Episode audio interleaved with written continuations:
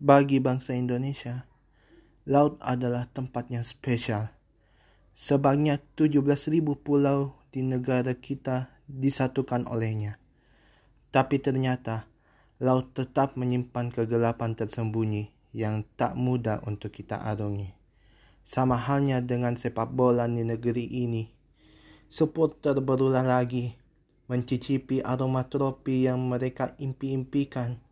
Namun, jangan sampai membuat liga mandat lagi. Amin.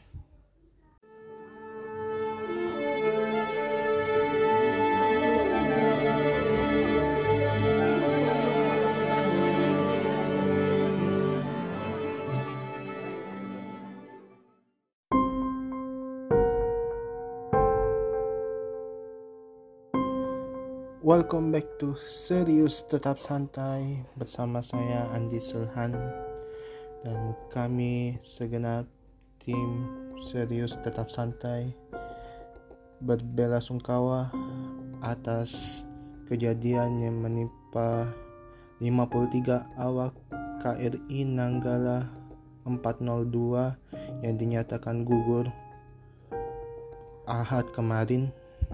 Semoga arwah mereka diterima di sisi Tuhan Yang Maha Esa dan keluarga yang ditinggalkan diberikan ketabahan dan keikhlasan untuk menerima kejadian yang menimpa mereka.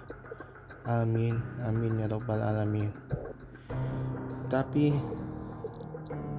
di balik semua itu kita masih bertanya-tanya, kenapa kapal selam yang dibilang sangat wah ini bisa tenggelam di perairan Bali gitu.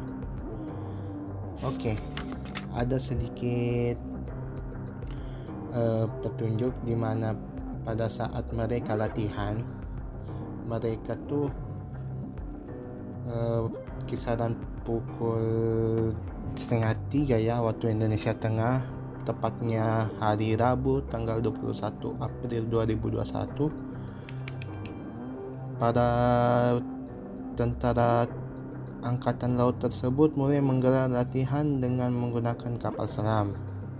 Nah, setengah jam kemudian KRI Nanggala menyelam sedalam 13 meter. 13 meter untuk mempersiapkan penembakan tornado. Lanjut pukul 4.30 kontak terakhir dengan KRI Nanggala berakhir. Kapalnya minta izin untuk penembakan rudal. Pada saat pukul 5.15 waktu Indonesia Tengah, keesokan harinya, masih subuh ya. Seharusnya sih kapal ini udah kembali ke permukaan namun belum ada tanda-tanda mereka akan kembali ke permukaan sehingga prosedur pencairan pun dimulai.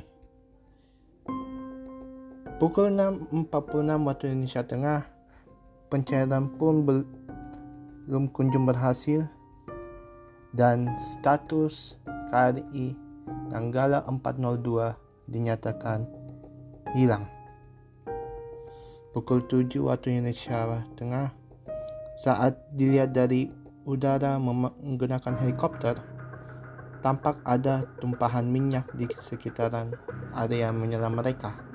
Jadi pada saat itu dipantau dari udara ada tumpahan minyak terjadi. Makanya, makanya pada saat itu belum diketahui motif atau bagaimana caranya sehingga kapal selam tersebut bisa berada di kedalaman 838 meter ya. Kisaran itu 838 meter yang manusia saja pada normalnya 40 meter itu sudah menggunakan alat bantu karena kita menyelam di di dasar laut tidak sampai dasar laut sih di laut saja kisaran 40 meter, gendang telinga pecah. Apalagi yang kisaran 800 meter. Waduh, bisa-bisa tubuh kita yang beremuk. Astagfirullahaladzim. Kita tidak bisa bantah itu.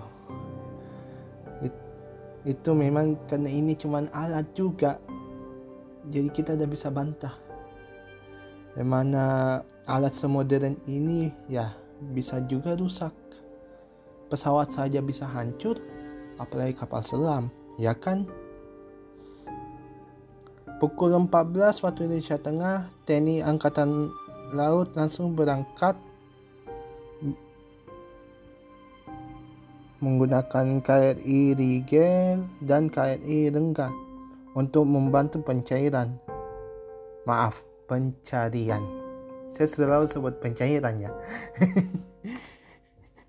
Soalnya ini saya rekodnya malam jadi ya sorry penglihatan juga agak terganggu karena remang di sini. Jangan remang dalam arti negatif ya. Lampu, masalah lampu sih. Sekaligus mereka minta bantuan dari negara tetangga seperti Singapura. Pada hari Kamis tanggal 22 April, keesokan harinya, ada temuan area dengan kemagnetan kuat yang diperkirakan jadi penunjuk lokasi KRI Nanggala 402 tersebut. Selama beberapa hari dari hari Rabu hingga hari Jumat itu petunjuk-petunjuk yang dicari mulai dari tumpahan minyak, medan magnet yang kuat, sampai kita minta tolong kepada pihak dari negara tetangga itu diperlukan karena kekuatan finansial eh, bukan finansial ya kekuatan sumber daya manusia kita itu masih minim dalam hal pencairan pencarian ini. Pencairan lagi kan? Aduh hai Tuhan sorry sorry.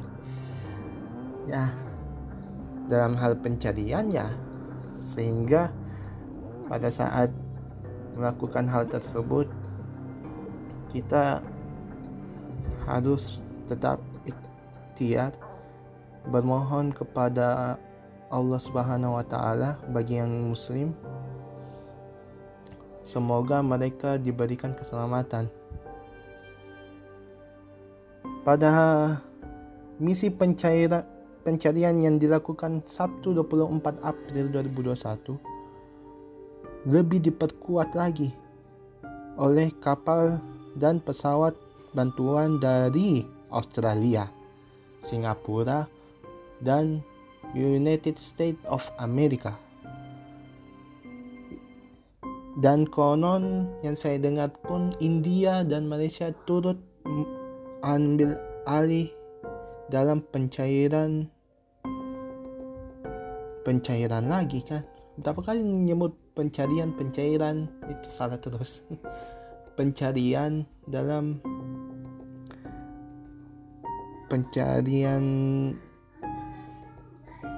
untuk mencari KRI Nanggala 402 ini. Belum ada tanda-tanda seperti be belum ada tanda-tanda yang berarti. Namun pada saat Sabtu sore atau malam ditemukan beberapa bekas barang yang terdapat di kapal tersebut seperti sajadah belum dan pelumas teropong. Dan pada akhirnya Nanggalan dinyatakan tenggelam. Pukul 1 waktu Indonesia Tengah keesokan harinya Ahad 5 25 April 2021 KRI Rigel menemukan kotak kontak di kedalaman 800 meter tetapi tidak mendapatkan izin melanjutkan lebih dalam lagi dikarenakan kapal yang digunakan itu memiliki keterbatasan sehingga diserahkan ke kapal Singapura MV Switch Rescue. Asik. Namanya keren nih. Pukul 7.37 waktu Indonesia Tengah kapal Singapura tersebut turun untuk melanjutkan estafet dari KRI Rigel soal kontak bawah air yang ditemukan. Pukul 9 lewat 4,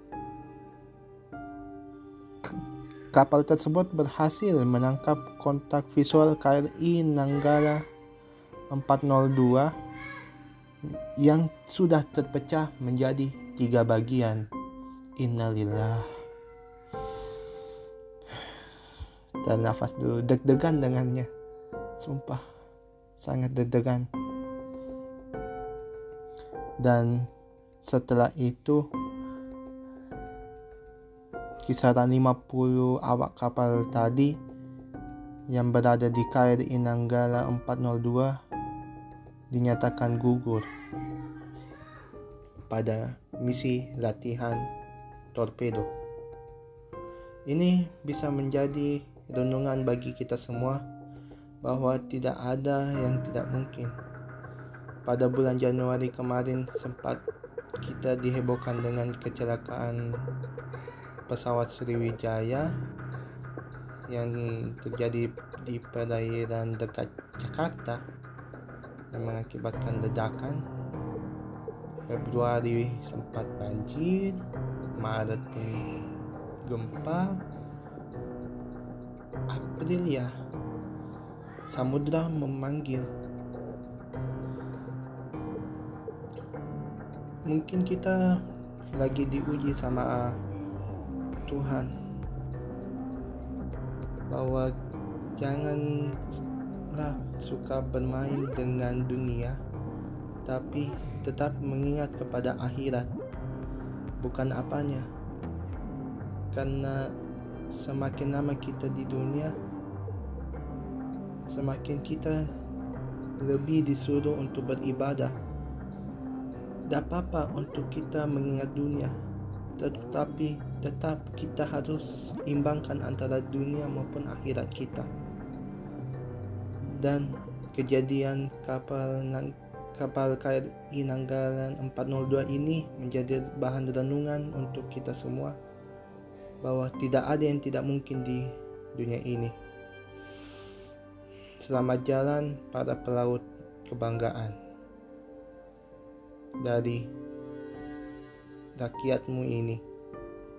Indonesia menangis.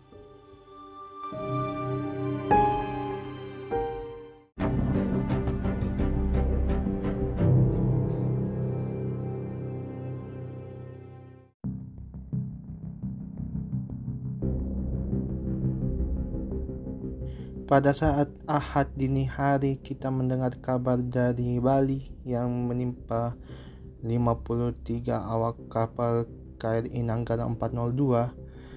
Ahad malamnya kita mendengar kabar bahwa kemenangan Persija atas Persib Bandung dengan skor 4-1 agregat.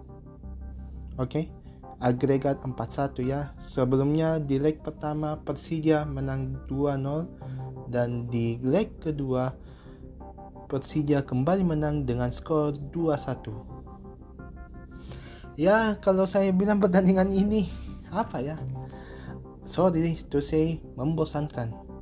Membosankan sekali dikarenakan pertandingan yang harusnya syarat akan gengsi ini ternyata tidak ditunjukkan di lapangan.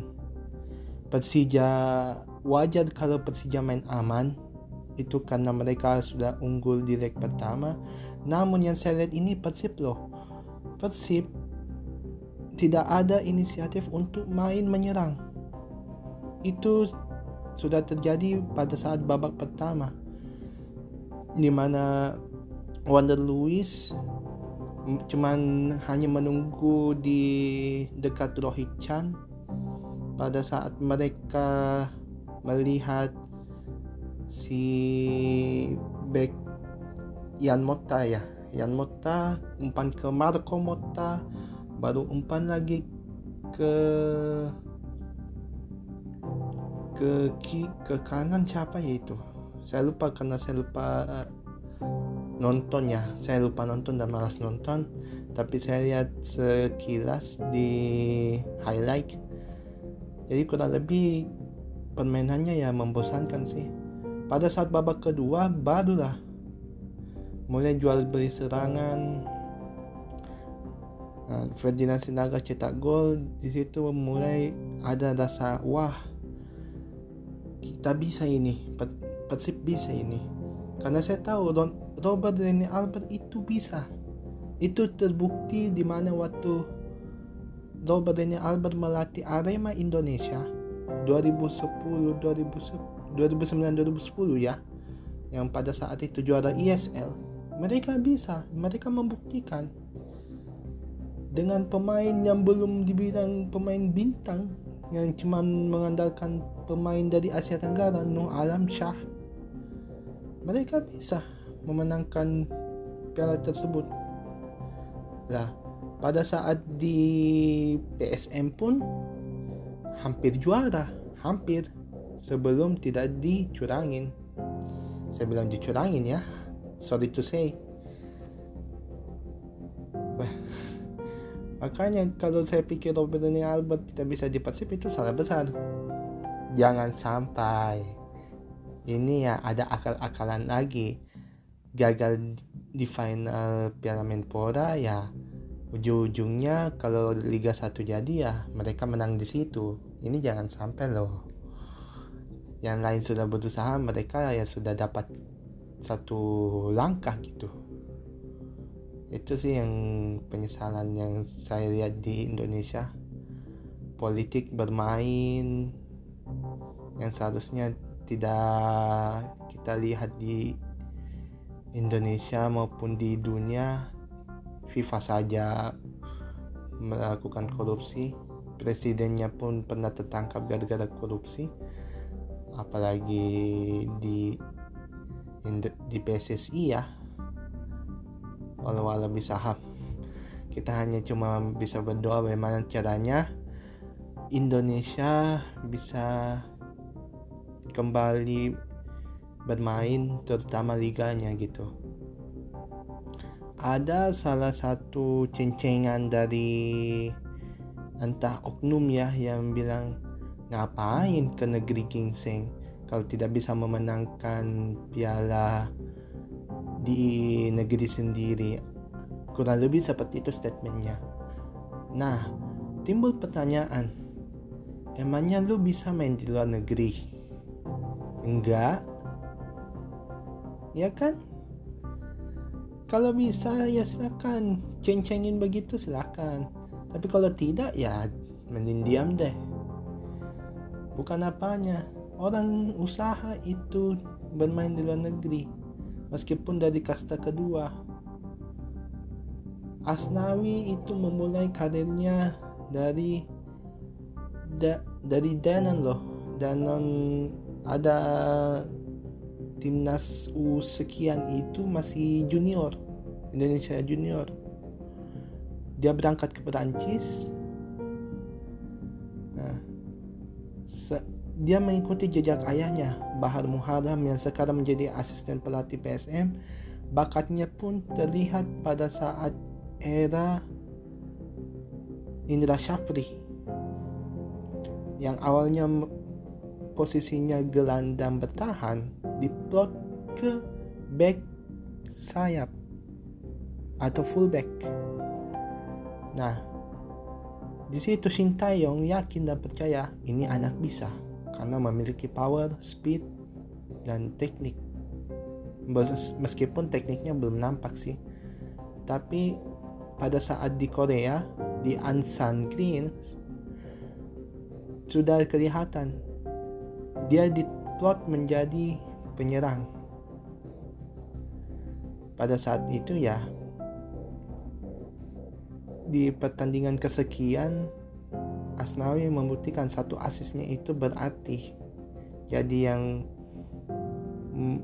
bilangi Asnawi begitu ya sorry to say Anda belum bisa apa-apa.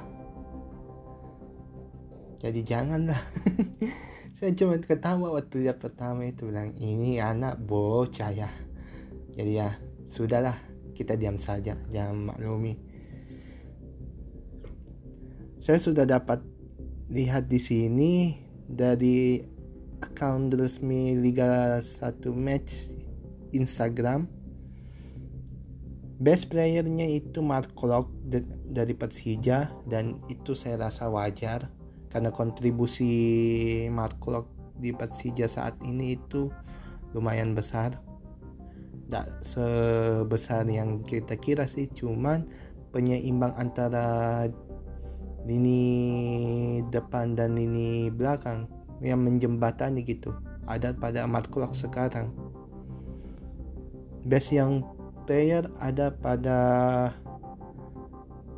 Pratama Arhan back kiri dari PSS Semarang dan mencetak 3 gol. Saya heran ini dengan ini anak. Saya dan wajar sih dia menerima penghargaan tersebut. Tapi ada satu pemain muda yang saya unggulkan juga seorang striker dari PS Sema, PS Semarang lagi. PS Sleman Sadam Gafar itu finishingnya cantik sekali penempatan bolanya cantik sekali pintar baca posisi posisi bola ya maksudnya ya jadi wajar lah. Kalau kita bilang Sadam Gafar masuk di timnas timnas sen, timnas junior nanti kalau timnas senior juga jadi ya wajar kalau Cinta yang memanggilnya. Top score jatuh pada Hasanul Rijal dengan 5 gol tidak salah. 5 oh maaf saya ralat 4 gol. Eh, ada juga best referee. Saya nak mau bahas ini best referee. Karena lucu sih. Fair play team jatuh kepada PSM Makassar. Ya di mana lo, dengan lokal pride-nya bisa membawa PSM sejauh ini orang bilang PSM Makassar sekarang menjadi tim underdog, ya kami terima karena pemain kami pas-pasan di ajang ini. Dan sebenarnya PSM Makassar hampir tidak ikut karena masalah finance. Di di menit-menit terakhir barulah didaftarkan. Nah, yang saya masalahkan di sini bukan masalah Persijanya menang, Persibnya kalah bukan. Supporter di luar sana yang pada saat nonton bar mungkin mereka nonton bareng di luar sana karena final nah, kan sudah ada larangan tuh. Janganlah nonton bareng gitu. Boleh jujur saja di kota-kota mana pun yang ada timnya di situ pasti mengadakan nonton bareng. Jujur saja karena di sini pun ada. Ya. Tapi ke, ketahuannya di sana tertangkap di salah satu kamera amatir di seputaran bundaran HI mereka konvoy dan di sepanjang MH Tamrin direkam.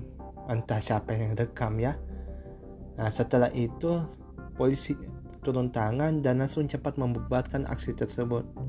Entah itu akan ditindaklanjuti oleh polisi untuk Liga 1 maupun Liga 2 ke depannya. Ditakutkan gini, pada saat Liga 1 dan Liga 2 dimulai, banyak supporter yang menunggu di luar stadion. Itu keresahan polisi sekarang dari pihak PSSI sudah minta maaf atas kejadian ini, cuman mereka harus evaluasi total kejadian tersebut supaya bagaimana pada saat tanggal jadi ya tanggal 5 Juli tersebut. Saya belum tahu pasti.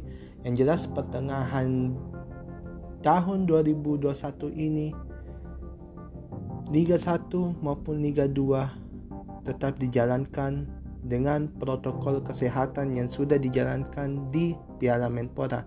Jangan sampai Piala Menpora hanya sebatas Piala Menpora. Dalam arti ya numpang lewat saja, kasih keluar duit karena banyak sponsor, udah selesai. Karena beda jurusan yang selenggarakan Piala Menpora itu pemerintah, kerjasamanya dengan PT LIB, ya pada saat mau selenggarakan liga, PT LIB yang maju, pemerintah yang larang karena persetujuan dengan polisi tidak ada. Jangan sampai ya begitu, jangan sampai. Ya, ini yang disayangkan sih sama begini loh. Ada beberapa keresahan yang saya lihat di Instagram. Kenapa sih mau hancur hancurkan uh, properti club gitu? Contoh Geraha Persib. Kenapa mesti dihancurkan? Apa salah mereka? Kalau udah juara ya wes toh. Ini masih piala pramusim. Ini turnamen pramusim. Kecuali kalau ini Liga Champions Asia atau minimal AFC Cup itu baru. Kalian bisa protes. Karena kalian punya segalanya kalian punya pemain bagus pelatih bagus finansial bagus kok kalah? Tapi ini ini kan cuma piala pramusim yang memang bisa jadi ukuran ke depannya cuman kan banyak pemain muda yang turun. Bahkan yang saya heran Adi Idrus ternyata tidak turun pada laga final tadi malam yang bisa menutup pergerakan Rico Simanjuntak. Gitu. Jadi ya heran saja sih. Berpikirlah secara dewasa teman-teman. Jangan sampai kita dikalahkan sama negara-negara Asia Tenggara lainnya yang sudah lebih maju. Contoh Thailand, Singapura, dan Malaysia. Sadar nggak akan hal itu. Kalau hanya merebut sebuah piala itu belum ada artinya. Kalau kalian mau mengembangkan suatu klub kalian harus support dengan mengembangkan dengan membantu dan mendukung fasilitas yang ada pembinaan akademi stadion yang ada tempat latihan dan lain-lain sebagainya. Yang jelas yang berhubungan dengan klub. Itu aja sih. Kalau ndak mau ya berarti anda belum waras. Itu kan? Ini serius loh tapi ya kalau nggak mau santai aja lagi